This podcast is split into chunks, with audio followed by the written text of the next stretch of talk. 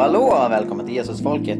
Shane Claiborne har varit en väldigt stor inspirationskälla för mig och många andra kristna i min ålder. Jag skulle tro att hans bok Den oemotståndliga revolutionen är en av de absolut mest vällästa böckerna bland unga frikyrkliga i Sverige.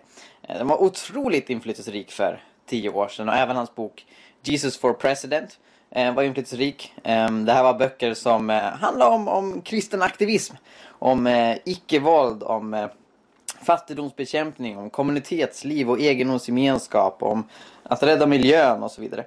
Och hur man motiverade utifrån eh, Bibeln, vilket är förfärligt enkelt. Eh, det Shane Claiborne representerar är en evangelikal kristendom som tar Bibeln seriöst och just därför engagerar vi oss för fred och rättvisa. Jag hade privilegiet att intervjua honom eh, för några veckor sedan. Eh, det är så att nu till helgen, ehm, 6 och 7 april, eh, så kommer Shane tillsammans med några kompisar arrangera väckelsemöten utanför Liberty University i Lynchburg i Virginia i USA på planeten jorden. Och, och det här universitetet det är världens största evangelikala universitet. Och deras rektor är en ivrig Trump-supporter. Han har bjudit in Trump att prata där. Eh, och, och det här har skapat förstås konflikter och eh, lite dålig magkänsla hos många av studenterna. Det var några som sa till Shane, vi vill vara kända för att ära Jesus och inte ära Trump. Så de här väckelsemötena kommer handla om där Jesus och rättvisa och peka på att evangelikal kristendom blundar inte för förtryck och blundar inte för problemen med krig och orättvisor. Eh, utan främjar fred och rättvisa. Självklart budskap, men som är rätt kontroversiellt i USA. Så jag intervjuade Shane om det här och jag passade också på att fråga vad han tycker om mirakler. Väckelse är ju eh, något väldigt starkt och värdefullt i den karismatiska traditionen och jag fann till min glädje och det hade jag misstänkt länge att han är brinnande karismatiker. Han tror att Gud kan göra mirakler och att de miraklerna kan användas för att utbreda fred och rättvisa. Och vi pratar även om kommunitetsliv och man, vad man ska tänka på när man startar en kommunitet. Eh, så det här är en jättespännande intervju. Tyvärr så kom den första biten inte med. Jag hade lite tekniska problem med att spela in det här och överlag så är ljudkvaliteten ganska dålig. Eh, så jag ber om ursäkt för det men jag hoppas att ni kan ha överseende med det för det är inte varje dag en svensk får intervjua Shane Claiborne. Eh, jag hoppas att det ska funka. Ehm, så, så första biten när vi pratar om själva veckosemötena kom tyvärr inte med. Men nu har ni fått en beskrivning av det. Och ni kan läsa en artikel som jag skrev för dagen utifrån intervjun. Där jag går in lite mer i detalj eh, på vad de här veckosmötena innebär. Så gå in på dagen.se och, och sök på Shane Claiborne eller mig. Eh, så hittar ni, ni den artikeln hur han vill bekämpa Trump med, med veckosemöten. Ehm, jag lyckades faktiskt också bjuda in Shane. Eh, när jag jobbade på IFK, jag slutade nu 15 mars, eh, så gick jag in i, i frizons rum och de satt där och funderade på så här, hur kan vi locka mer folk till frizon? Och jag sa, bjud in Shane Claiborne. och de bara, ja okej, ja, det är en bra idé. Och jag bara, ja men seriöst, jag kan försöka. Och så gjorde jag det och så lyckades jag. Så han kommer eh, till frizon eh, i augusti. Det blir jätte, jätteroligt. Eh, det ska bli fantastiskt kul att, att, att få snacka lite mer med honom. Eh, så snart ska jag släppa fram intervjun. Jag vill bara säga en sak till. Eh, och det är att jag precis satt igång en Kickstarter, en insamlingskampanj eh, för att finansiera en bok som jag vill skriva. Det är en bok om dokumenterade mirakler. När jag har pratat både med ateister och kristna och Eh, hävdat att det finns massa exempel på vetenskapligt oförklarliga tillfrisknande efter bön. Så har folk sagt, vad har du för källa för det? Och, och min källa har varit typ 30 olika källor, så här, olika böcker och, och sådär, där jag har snappat upp det här. Eh, men det frustrerar mig lite grann att jag inte kan peka på liksom en enda bok som pekar på, nej men här finns faktiskt bevis för att Gud är levande och verksam idag. Och så slog det mig, jag kan ju försöka skriva den boken själv. Eh, nå, Bokskrivande kräver tid. Eh, och för att jag ska kunna avsätta den tiden så måste jag göra det som ett jobb.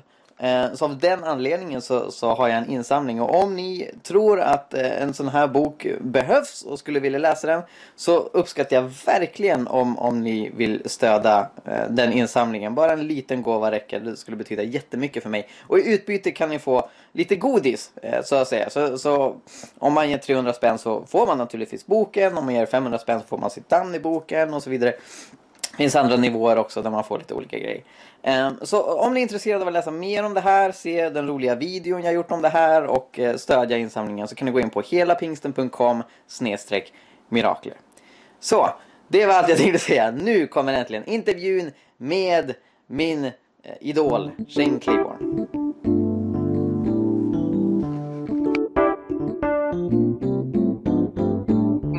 Jesus for president, one of the postures that we suggested is a good one for Christians is damage control when we vote. Uh, that we're thinking like, I'm going to vote for the uh, political candid- candidate that's going to do the least amount of damage in the world, you know? Um, mm-hmm. So, kind of harnessing the uh, principalities and powers that are out there. Um, and um, I, I, mean, I think that's that's kind of how I I thought uh, of this last election. You know, um, um, now there there are things that um, we've never ruled out. The the fact that like you know God changes hearts, but God. Uh, uh, I think also expects us to change laws, you know, that mm. are um, stifling the, the flourishing of human, pe- you know, of people. Um, and um, I mean, uh, you, you, probably are familiar, I've been doing a whole lot of work around the death penalty. Yeah. Um, and, and around gun violence, um, because I think those are two things that the tide is changing on, and we can see um, some substantial changes made. You know, um, so um, we, I've never really um, encouraged people to disengage politically, but more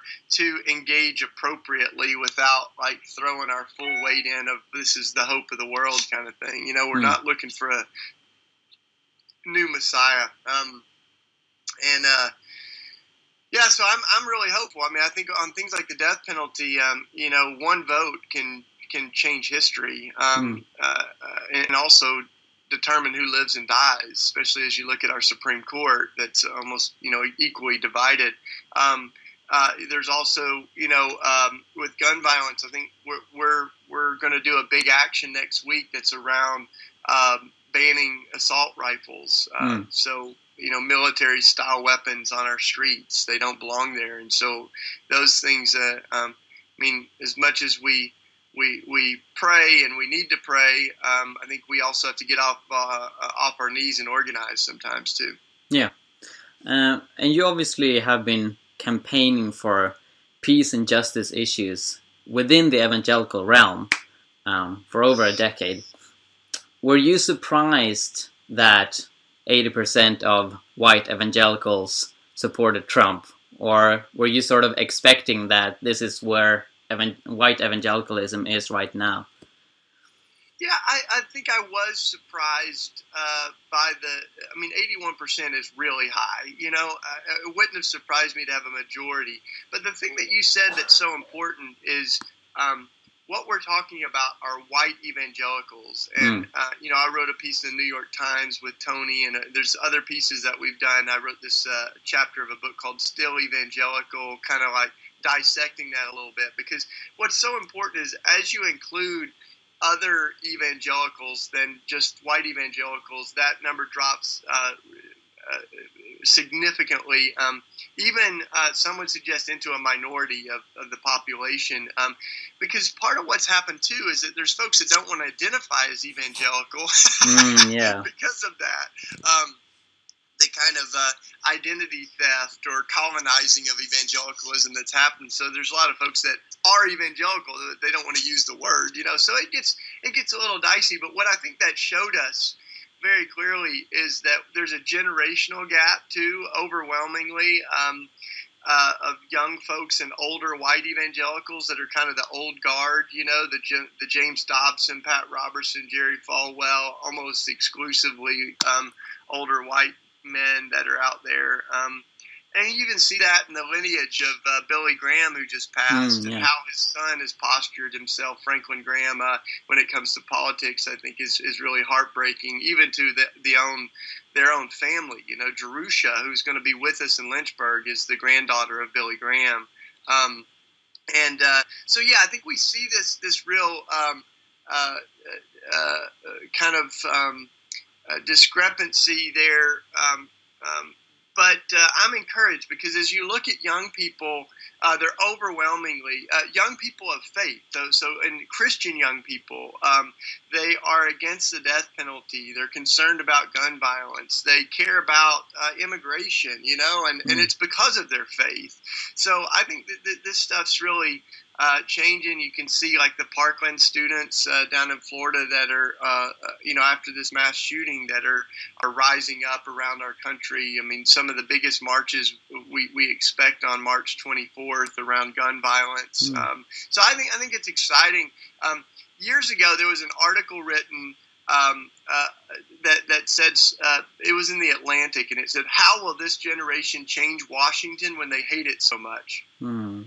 So I've been to schools that they said they're political science majors and, and you know folks that might go into politics has like just absolutely uh, uh, dropped. Um, and and I was talking to him. I said, "What is it?" And he said, "Well, it's because books like Jesus for President." You know, he was half, he was half joking, but um, you know, I, I I would say adamantly these days that that. Uh, um, to be Christian doesn't mean that we disengage from politics, hmm. but that we um, we see, I see policies as one more extension of loving my neighbor as myself means caring about policies that affect them. So, uh, I mean, loving my neighbor as myself can be giving out a meal or you know inviting someone into my home, but it can also be um, influencing uh, immigration policies that are causing so many of our young brothers and sisters right now, especially the mm. dreamers, the DACA recipients, to live uh, in such fear for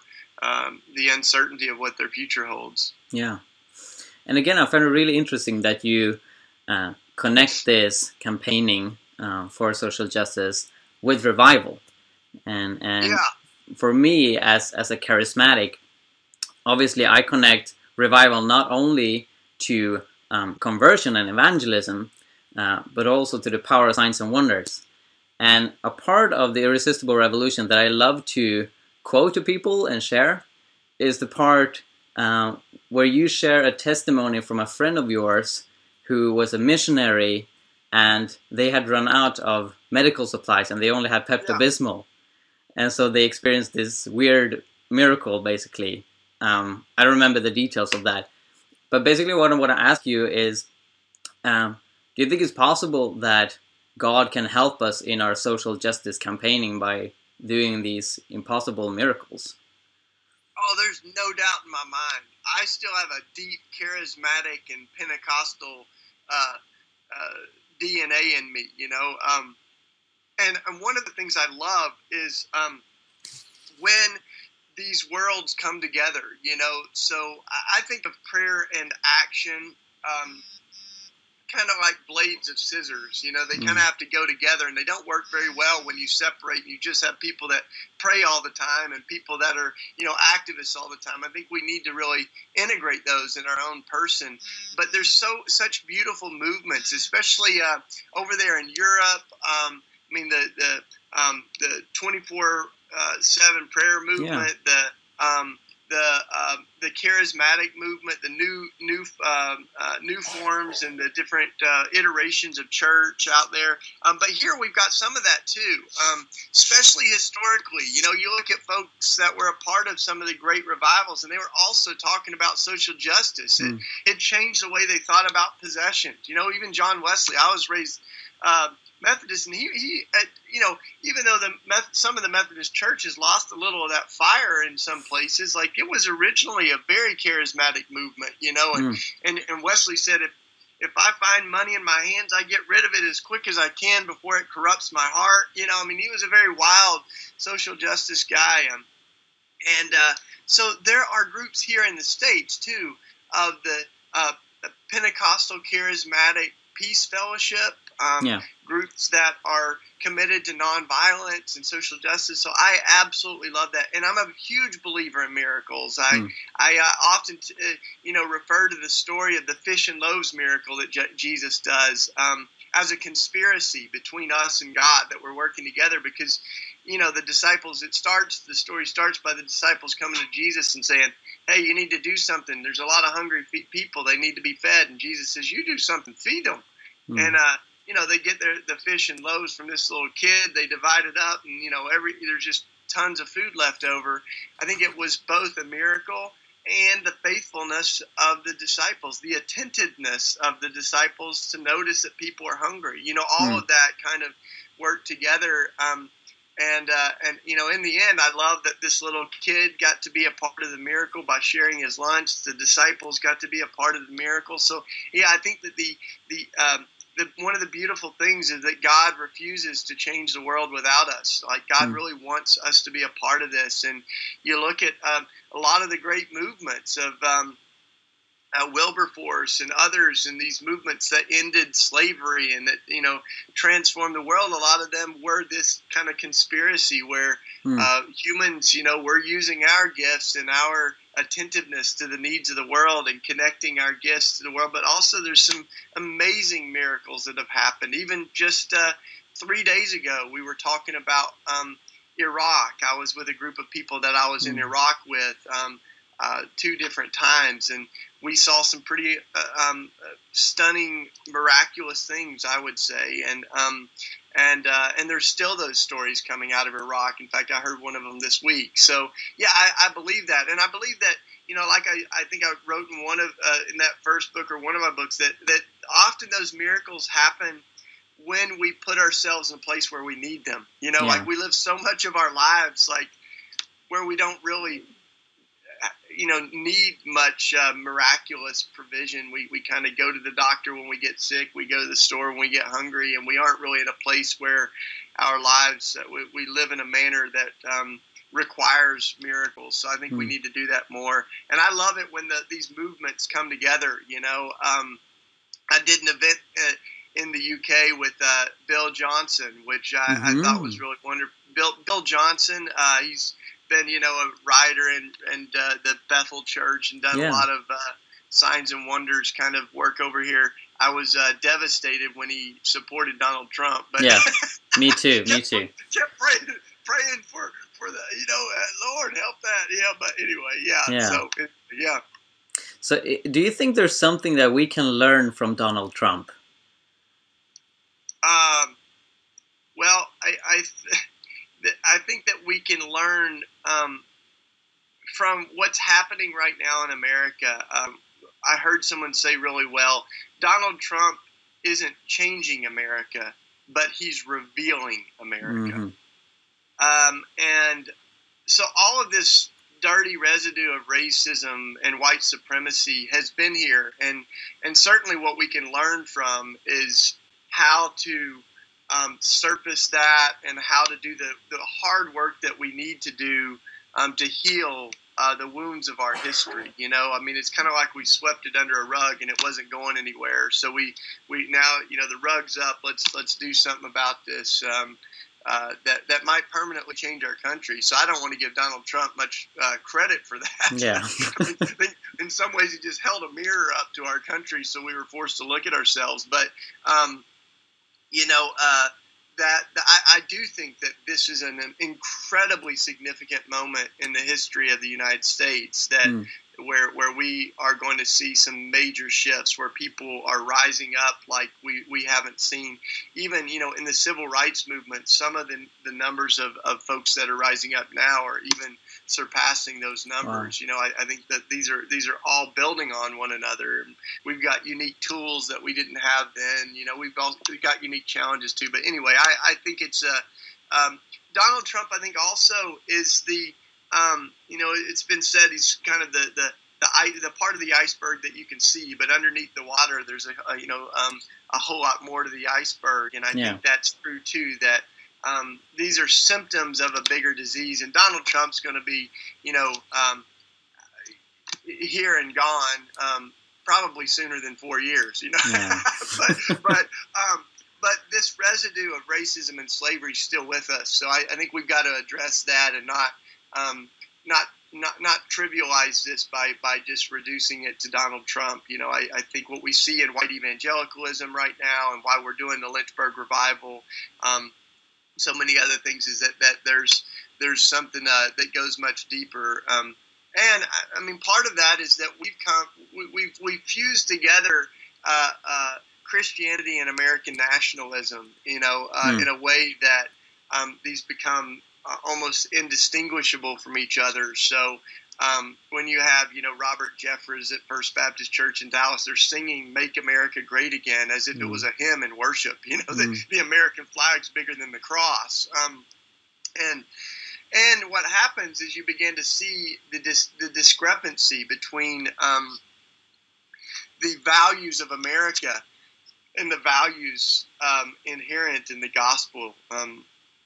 You know, when you, when you make idols out of fame and wealth and power, Donald Trump is the natural result. Um, hmm.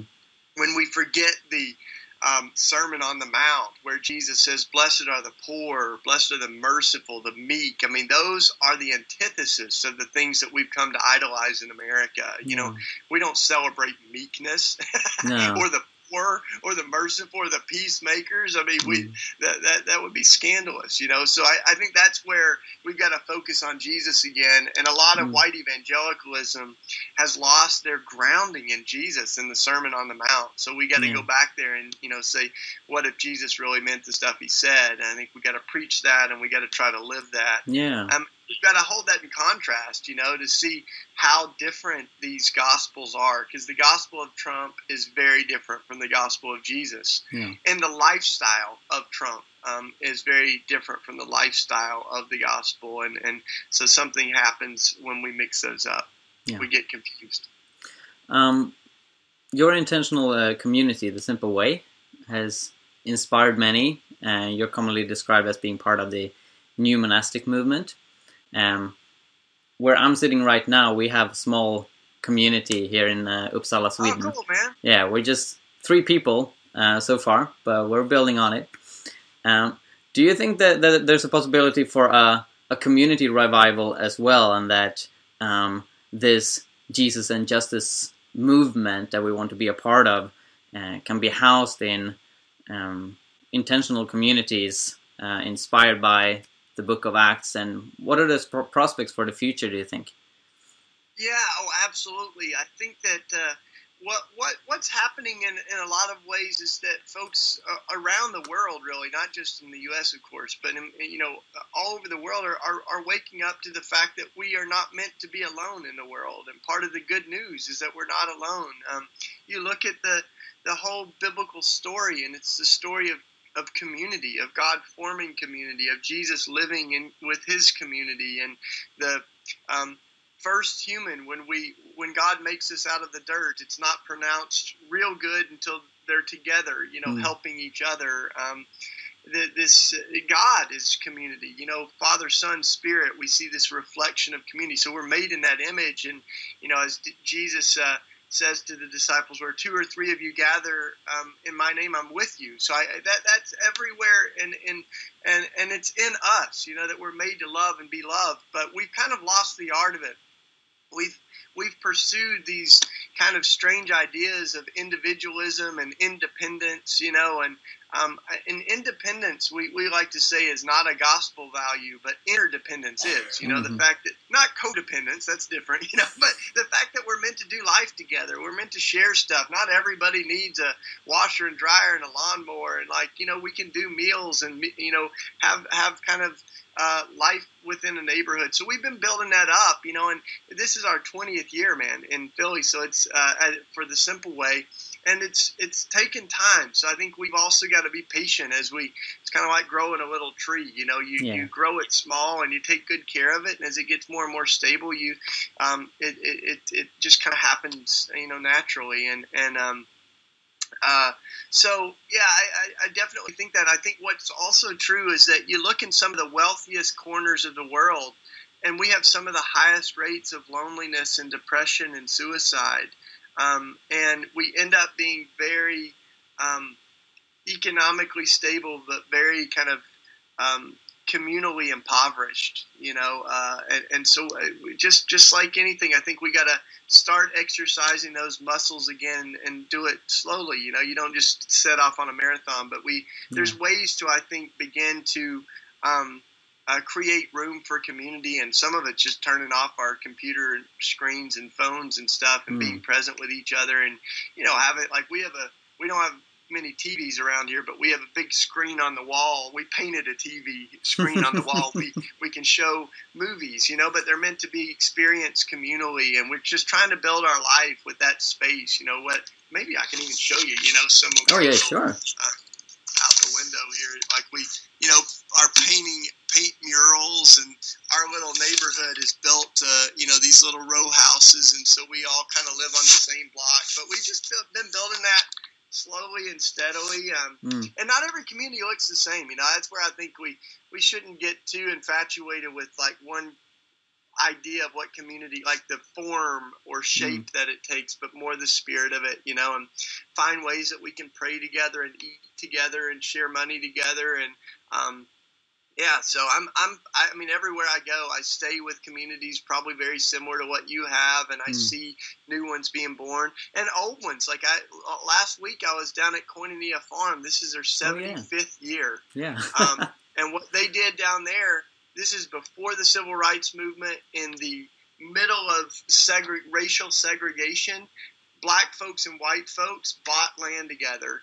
and they hmm. started living together and it was illegal and their lives were constantly threatened in fact we heard some of the people that grew up there that are like almost 90 year, years old now and they talked about how regular it was to have gunshots oh, fired really? through their windows and they were on the ground because people hated them you know and they hmm. were kicked out of almost every church in the area which is, is heartbreaking you yeah. know but they were they were uh, confident that, that what they were doing was right and uh, um, and uh, at, at, one point, you know, Clarence Jordan, one of the founders, uh, met with Martin Luther King, and they say that that may very well be what inspired Dr. King in his "I Have a Dream" speech. He actually has a line where he says, "I have a dream that the sons of uh, slaves, the children of slaves, and the children of slave owners will live together in Georgia." Um, and so that, like that vision, you know, I think I think what what he used to say too is that our communities become demonstration plots for the kingdom. You know, we mm. demonstrate what God's love looks like, and and uh, you know that, that's what we're trying to do. I think is live in the way that God intended for us to live. And as you look at our world, we've come a long way from that. So, yeah, yeah. Well, I'm coming over there. Did you know that? Yes, yes. You know what? I was the one inviting you. Oh, thanks, yes. man. Awesome. Yeah. Yeah, no, we had a we had a meeting about this free zone festival, and they were like, "How are we going to get more young people interested in this thing?" And I said, "You have to invite Shane Claiborne again." So that's what we did. Yeah, I'm really looking forward to to seeing you then. Maybe we'll see you at the Lynchburg revival. Nah, it's too long. Huh? That, that's too, too long for me. I'm I'm afraid. no, it's all good, man. Well, we're gonna live stream it. You know. Oh, wonderful. For us, and uh, man, I look uh, Pentecostal there. So send my love to everybody, man. I will. Thank you so much for taking the time, Shane. Yeah. God bless you. Bye.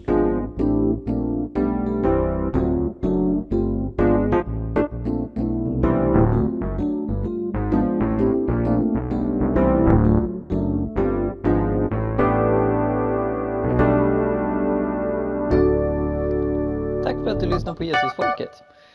Den här podden drivs av Jerusalemprojektet som också står bakom bloggen Hela Pingsten. Och för att se hur du kan stödja och hjälpa oss utveckla podden vidare, gå in på jerusalemprojektet.org och läs mer. Gud välsigne er, ha det bra, hejdå!